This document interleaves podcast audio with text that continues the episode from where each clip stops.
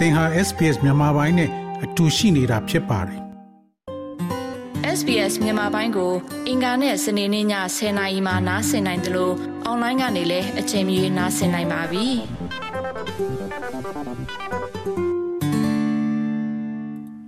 ယခုသောရရှင်များကိုတင်ဆက်ပေးမှာကတော့ဩစတြေးလျမှာကုန်ကျစရိတ်သက်သာတဲ့ဆေးဘက်ဆိုင်ရာဝန်ဆောင်မှုများကိုဘယ်လိုရယူနိုင်မလဲဆိုတဲ့ဆောင်းပါးကိုနားဆင်ရမှာဖြစ်ပါတယ်။ သောရရှင်များခင်ဗျာ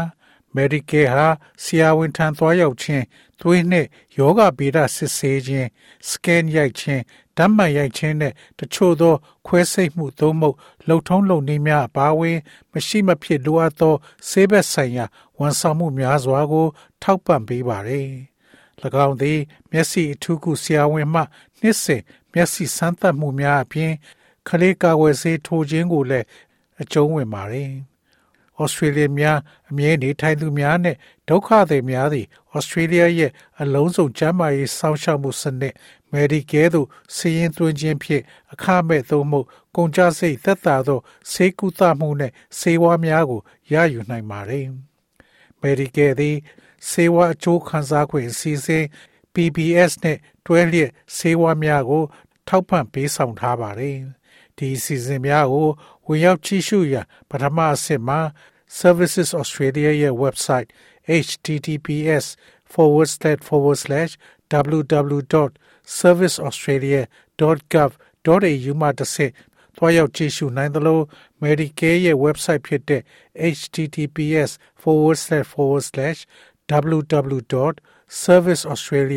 forward slash forward slash www.serviceaustralia.gov.au forward slash medicare သို့သွားရောက်စာရင်းသွင်းနိုင်ပါတယ်။သင် Medicare တွင်စာရင်းသွင်းပြီးတာနဲ့ Service Australia သည်သင် Medicare ကကိုသင်ထံသို့ပို့ပေးမှာဖြစ်ပြီးသင်ဆရာဝန်ထံသို့သွားတဲ့အခါထို Medicare ကကိုသင်နဲ့အတူယူဆောင်သွားမှာဖြစ်ပါတယ်လို့ Service Australia Community Information Officer ဖြစ်သူ Justin Bott ကရှင်းပြပါတယ်။သင်ရဲ့ Canvas ထံမှလျှောက်ထားသောဆေးစာများကိုရယူရန်သို့မဟုတ်ဆရာဝန်ထံမှငွေတောင်းခံလွှာများကိုရှော့ချရန်အတွက် bulk billing ငွေတောင်းခံခြင်းဖြင့်မြည်သည့်အရာကိုမဆိုပေးဆောင်ခြင်းပြုရန်အတွက်အဆိုပါ Medicare ကကိုအသုံးပြုနိုင်ပါတယ်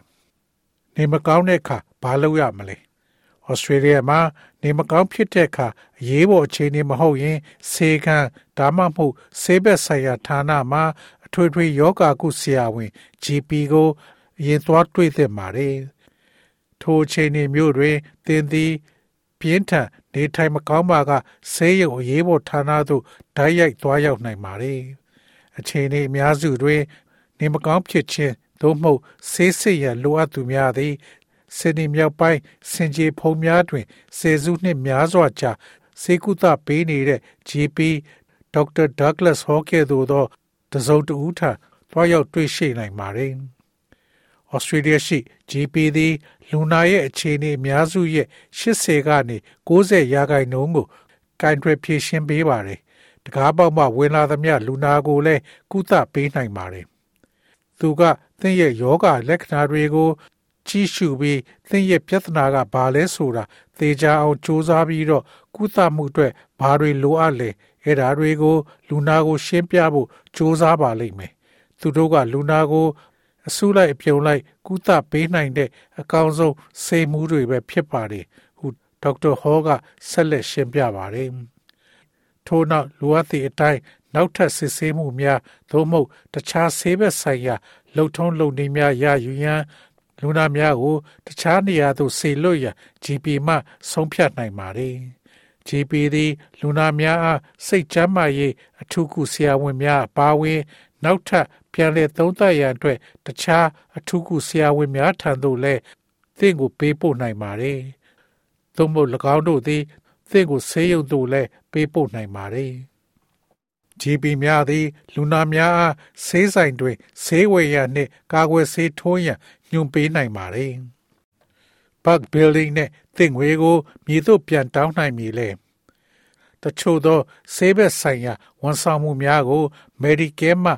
အပြည့်အဝထောက်ပံ့ရနိုင်ပါတယ်။သို့မဟုတ်တစ်စိတ်တစ်ပိုင်းသာအကျုံးဝင်နိုင်ပါတယ်။ဆိုလိုသည်မှာလူနာများသည့်တခါတရံတွင် product သို့မဟုတ်ဝန်ဆောင်မှုရဲ့ကုန်ကျစရိတ်နှင့်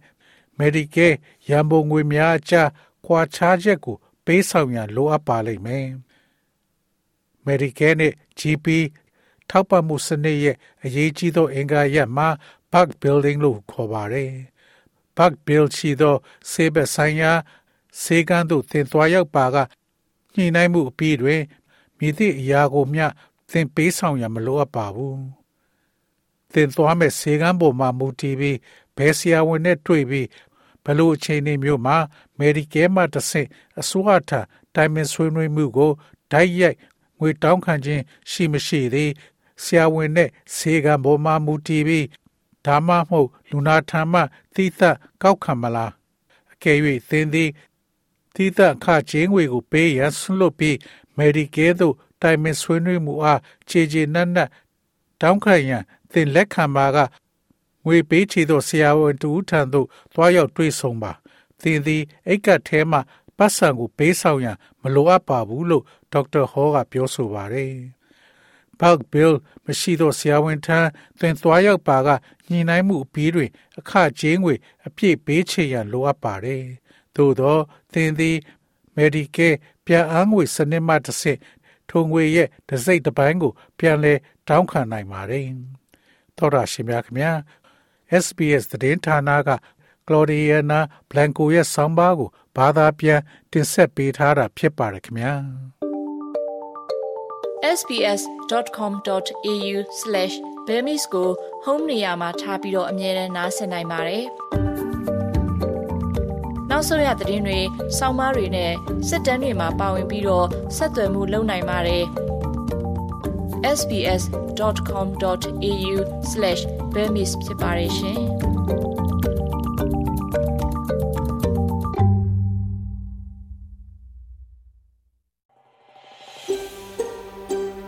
ဒါမျိုးသတင်းဆောင်မာတွေကိုပိုနားဆင်လိုပါလား Apple Podcast Google Podcast Spotify တို့မှာသင်ပင်ရာဖြစ်ဖြစ်ရယူတဲ့ podcast ကနေပါ